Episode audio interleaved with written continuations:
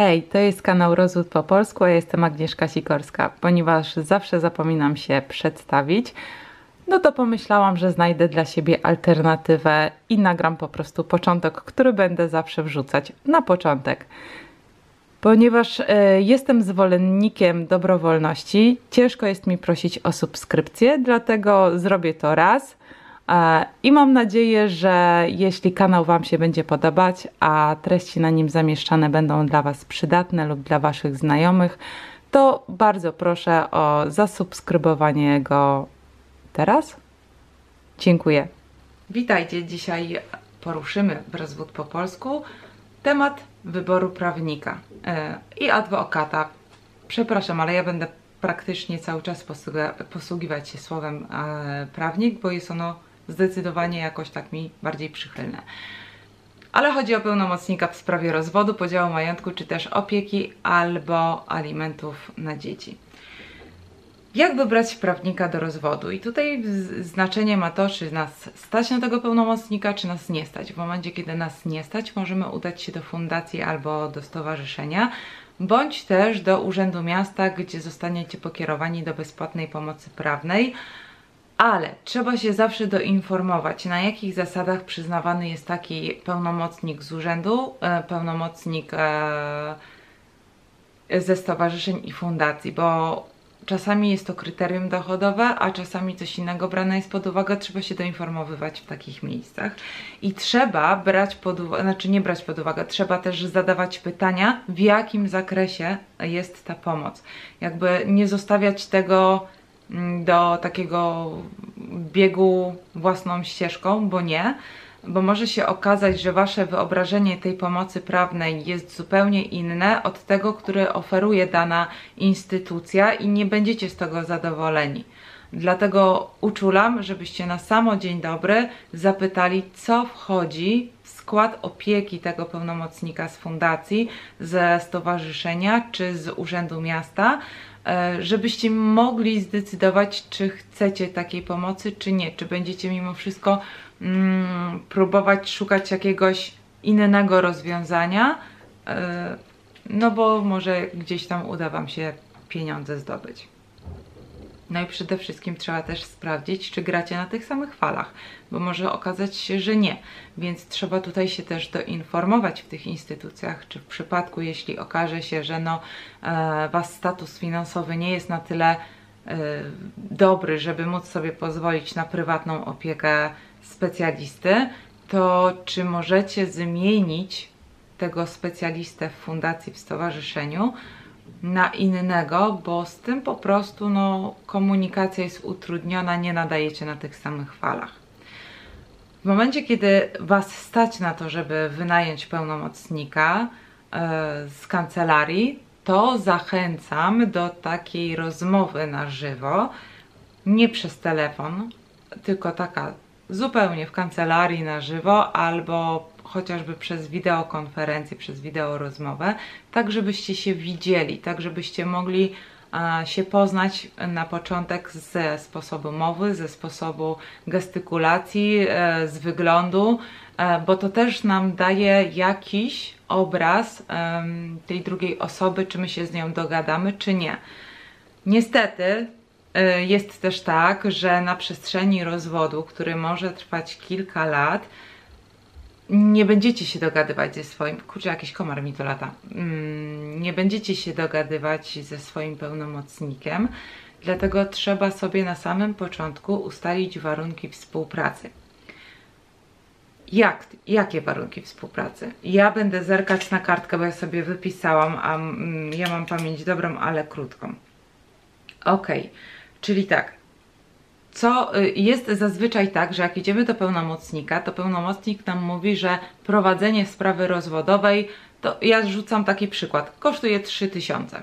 Okej, okay, ale co się mieści w tych 3000? Czy te 3000 to jest tylko za prowadzenie sprawy, e, czy to w tych pieniądzach są e, pisanie pozwu, odpowiedzi na pozew ewentualnie, czy pisanie wniosków, czy pisanie pism procesowych pomiędzy rozprawami, jeśli ten rozwód ciągnie się latami na przykład.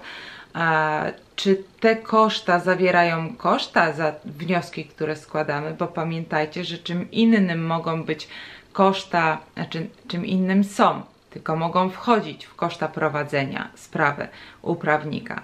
Ale trzeba rozróżnić, że mamy koszty za prowadzenie sprawy, które płacimy prawnikowi, adwokatowi i są też koszta sądowe, które uiszczamy do sądu, a nie prawnikowi. I w przypadku, kiedy składamy na przestrzeni naszego rozwodu jakieś dodatkowe wnioski, to one są dodatkowo płatne nie do prawnika, tylko właśnie do sądu. Więc zawrzyjcie w umowie e, ze swoim prawnikiem, co jest kosztem prowadzenia sprawy, a jakie e, opłaty są dodatkowo płatne. Tak, żebyście się nie obudzili z ręką w nocniku w połowie swojego mm, przewodu rozwodowego, czy nawet pod koniec i nie zdziwili się, że macie jeszcze dodatkowe jakieś koszty. Opłaty za wyjście do sądu. Często też jest tak, że w momencie, kiedy mm, prawnik wychodzi do sądu, to pobiera dodatkową opłatę za to wyjście do sądu. Więc zapytajcie, czy prowadzenie, yy, że, czy koszt prowadzenia sprawy sądowej to jest to prowadzenie plus wyjście do sądu, czy mi, czy już tego wyjścia do sądu nie ma, czy wyjście do sądu jest pokryte w tym ogólnym koszcie e, zaprowadzenie sprawy. I co w momencie, jeśli idziecie na przykład na rozwód z orzekaniem o winie, prawnik bierze od Was pieniądze za prowadzenie sprawy z orzekaniem o winie, napisze ten pozew no, dłuższy, trudniejszy z tymi dowodami i tak dalej, ale w międzyczasie wy się do, ze sobą dogadacie i powiecie, że nie. No ale prawnik już wziął tą całą kwotę. Dopytajcie, co w takiej sytuacji? Czy można ubiegać się o zwrot jakiejś części, no bo nie będzie już później żadnych pism, skończyło się tylko na pozwie e, czy na odpowiedzi na pozew rozwodowy. Także tu warto dopytywać, bo, bo to jest istotne. To może gdzieś umknąć niestety i często umyka ludziom w momencie, kiedy szukają sobie prawnika. Na co zwrócić uwagę? Bardzo istotne jest to, że jak idziecie do prawnika, z nim porozmawiać na temat swojej sytuacji, to czy, czy słyszycie wszystko to, co chcecie usłyszeć, czy usłyszycie od tego prawnika waszą realną, rzeczywistą sytuację. Nie ma nic gorszego niż trafić na prawnika, który powie wam wszystko, co chcecie, a na przestrzeni waszego rozwodu okaże się, że jednak no to nie jest tak, jak ten prawnik mówił na samym początku. I co w tej sytuacji?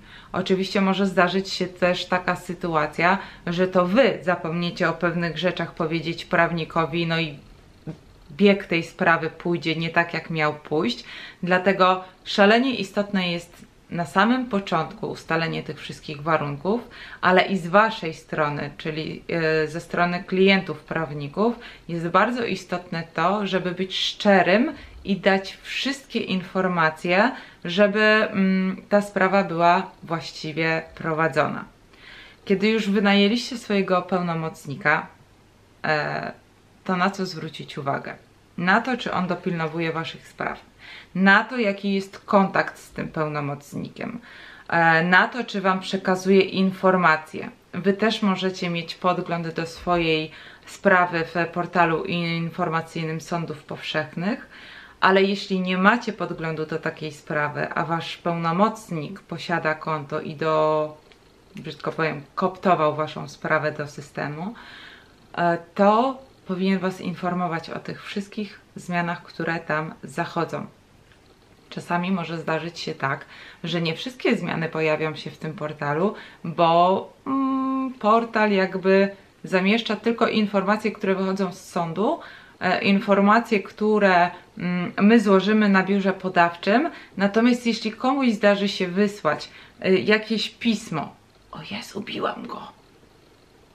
Przepraszam jeśli zdarzy się wysłać pismo na przykład profilem zaufanym z ePUAP-u, no to już takiego pisma nie będzie widać. e, w portalu informacyjnym, co jest bardzo niefajne. No ale może się zdarzyć taka sytuacja. Więc jeśli Wy też wyślecie sami jakieś pismo do sądu przez ePUAP, to miejcie na uwadze, że Wasz pełnomocnik nie dowie się o tym w momencie, jeśli Wy mu o tym nie powiecie. A w ogóle, jeśli chcecie wysyłać cokolwiek do sądu, skonsultujcie to ze swoim pełnomocnikiem i zapytajcie, czy on to zrobi, czy Wy to zrobicie. No ale on to w sumie powinien zrobić, no bo go w końcu opłaciliście. On Wam może tylko doradzić, czy to, to na co Wy wpadliście, na ten pomysł, który Wam przyszedł do głowy, czy jest dobry czy zły, czy może go trochę zmodyfikować, czy lepiej w ogóle zostawić. Więc to już zostawiam do, do, do że tak powiem, Waszej dyskusji z prawnikiem. Co jest bardzo niefajne, a co się zdarza, i tutaj ja uczulam. Jest coś takiego jak tworzenie faktów no prędzej czy później trzeba się, znaczy nie, dobra, prędzej trzeba się zastanowić, czy aby na pewno chcemy tworzyć fakty, a nie dostarczać tylko dowody z faktów już istniejących. Bo może się to obrócić przeciwko nam i rzeczywiście często się obraca. W momencie, jeśli prawnik proponuje Wam, nie wiem, wysyłać do sądu albo i do Was złamaną płytę, bo ma dowody, których nie ma, ale no trzeba jakoś tak, wiecie, no tą drugą stronę wziąć pod włos, żeby się złamała, e, żeby, żebyśmy my osiągnęli to, co chcemy. No to jak Wam ktoś proponuje coś takiego, to już powinien być dla Was alarm w głowie, że no y, to chyba jednak ja nie mam żadnych szans, skoro trzeba tutaj oszukiwać, skoro trzeba tutaj po, y, chodzić po takie rozwiązania, tak? Więc nie, to, to nie jest fajne i to powinno wzbudzić Waszą czujność. Dlatego o tym mówię. Co jest jeszcze niefajne? Niefajne jest i też powinno to w Was rodzić jakieś, może nie tyle lęki, ale zastanowienie, kiedy prawnik proponuje naukę zeznań. Tak? Zdarzają się takie sprawy, takie sytuacje. O ile jest to pierwszy rozwód w Waszej rodzinie, i o ile boicie się i nie wiecie, jak to wszystko wygląda, a prawnik chce się z Wami spotkać i powiedzieć w ogóle, na czym to polega jak to wygląda, tak, spotkajcie się. Macie prawo wiedzieć, żeby jakby ograniczyć e, ten strach przed wyjściem do sądu jako świadek czy strona sprawy, e, żeby Wam było lżej. Ale w momencie, kiedy prawnik proponuje, żeby wszystkich świadków zebrać na jedno spotkanie, i uczyć ich zeznań, co który ma zeznawać, i wszyscy uczą się tych zeznań na pamięć. Nie, błagam nie. Bo na pewno trafi się chociaż jeden ze świadków, chociaż jeden ze świadków, który jak pójdzie do sądu i sąd się zorientuje, a sąd głupi nie jest i widzi, gdzie są wyuczone yy, zeznania, to trafi na taką yy, tą słabszą osobę, której po prostu zada pytania po czasie, te same, ale w innej formule, w innym szyku zdania i ta osoba się po prostu wysypie i polegniecie wy wszyscy. Więc yy, mówię, ocena, realna ocena waszej sytuacji. Nie tworzenie faktów, a bazowanie na tym, co jest. Ok, to to już Wam powiedziałam. E, co Wam jeszcze muszę mówić? Znaczy nie muszę, ale chcę. To już Wam powiedziałam. Właśnie. Warunki reklamacji. No bo wiadomo, że jak idziemy do pełnomocnika i spisujemy z nim umowę na prowadzenie sprawy, no to tak jak już wspomniałam wcześniej, może się okazać gdzieś tam na przestrzeni e, tej rozprawy, że Wy widzicie, że coraz gorzej się dogadujecie z tym swoim pełnomocnikiem, że jest urwany kontakt, że jakby nie jesteście informowa informowani o wszystkim, e, że dowiadujecie się, że na przykład wasz pełnomocnik nie odebrał pism procesowych i w tym momencie to też uważam powinno być wzięte pod uwagę w przypadku składania reklamacji i na jakiej podstawie i w jaki sposób Wasz pełnomocnik będzie taką reklamację od Was przyjmował. Opracujcie ten punkt w umowie, którą zawieracie z pełnomocnikiem. Oczywiście pełnomocnik też powinien wpisać w którym momencie on ma prawo wycofać się z prowadzenia waszej sprawy. A może to być na przykład właśnie zatajenie części e, dowodów, części informacji, które powinien prawnik wiedzieć, żeby prowadzić waszą sprawę należycie, a wy z jakichś powodów nie powiedzieliście e, o nich w ogóle bo oczywiście możecie dostarczyć po jakimś tam czasie pewne rzeczy, bo może Wam się przypomnieć, gdzieś tam coś się odgrzebie, ale w momencie, jeśli w ogóle zataicie albo w ogóle nie dostarczycie pewnych informacji, no to prawnik też może nie chcieć prowadzić takiej sprawy, tak? Okej. Okay. Co jeszcze? Zapytajcie, co w przypadku, jeśli Wasz pełnomocnik nie będzie mógł stawić się na rozprawę ok, to są wyjścia zazwyczaj dodatkowo płatne, ale czy wtedy pełnomocnik poprosi o zmianę terminu? E, czy nie wiem, czy wy pójdziecie sami wysłuchać, bo też możecie przecież, i sprawa się odbędzie bez pełnomocnika? Mm, I co wtedy z kosztami? Oczywiście, jak macie pełnomocnika, to lepiej, żeby po prostu taką sprawę przenieść. Szkoda tylko, że sądy z takim opóźnieniem informują o tym, że się pełnomocnikowi, któremuś zachorowało. Ja tak miałam na jednej rozprawie. E, czekaliśmy sobie w sądzie na rozprawę, czekaliśmy, było opóźnienie i półtorej godziny czekaliśmy tylko po to, żeby usłyszeć, że sprawa została przeniesiona na inny termin z powodu choroby pełnomocnika drugiej strony. No, szok. No ale takie rzeczy mają niestety miejsce. Mówię o tym, żebyście byli przygotowani. Ok, płatności. To wszystko, co mówię, wiąże się w jedną wielką całość. Dlatego te płatności też trzeba w jakiś sposób usystematyzować, najlepiej w, w umowie z pełnomocnikiem. Dlaczego? Dlatego, że tak jak wspomniałam wcześniej, może się okazać, że Wasz pełnomocnik na dzień dobry weźmie pełną kwotę za prowadzenie sprawy, a Wy, nie wiem, no w ciągu dwóch tygodni się dogadacie. No i się okazuje, że przepadła Wam bardzo duża ilość pieniędzy. Zapytajcie o możliwość, jak można rozwiązać taką sytuację, że w przypadku, jeśli generalnie prawnik e, napisał, wziął już całość pieniędzy za prowadzenie sprawy, napisał pozew z orzekaniem o winie, czy bez orzekania o winie, i albo odpowiedź na ten pozew, a Wy dochodzicie do wniosku, że nie, jednak spiszecie sobie ugodę przed mediatorem, albo chcecie, żeby prawnik Wasz razem z prawnikiem drugiej strony i z Wami spisali e, po prostu pozew z porozumieniem, wszystko na gotowe, żeby iść do sądu i rozwieść się na pierwszej rozprawie, to jak możecie tutaj rozwiązać sytuację płatności? No bo w momencie, kiedy mm, nie będzie tych dodatkowych pism na przestrzeni kilku lat procesu, no to myślę, że warto podjąć ten temat. Ok. Hmm. Dobra. Jeszcze raz, to chyba wszystko, co chciałam Wam powiedzieć. I jeszcze raz tylko e, przypomnę, o tych opłatach, żebyście rozróżniali opłaty za prowadzenie sprawy od opłat sądowych i od opłat urzędowych, bo na przykład pełnomocnictwo za waszego pełnomocnika nie płacicie do sądu, tylko do urzędu miasta. No i pytanie, czy to też wchodzi w koszt prowadzenia sprawy, czy to będzie waszym dodatkowym kosztem. Podsumowując temat, spisując umowę, wejście z, pełnomocnikiem, wejście pod uwagę płatności. E, czy na sam początek musicie płacić pełną kwotę, czy na dzień dobry możecie zapłacić część, bo jak się okaże, że później się nie dogadujecie, czy wy z prawnikiem, czy prawnik z wami, to, to jak to zostanie rozwiązane. Na jakiej zasadzie i na jakiej podstawie możecie składać reklamacje za e, usługi, które wykonuje wasz pełnomocnik.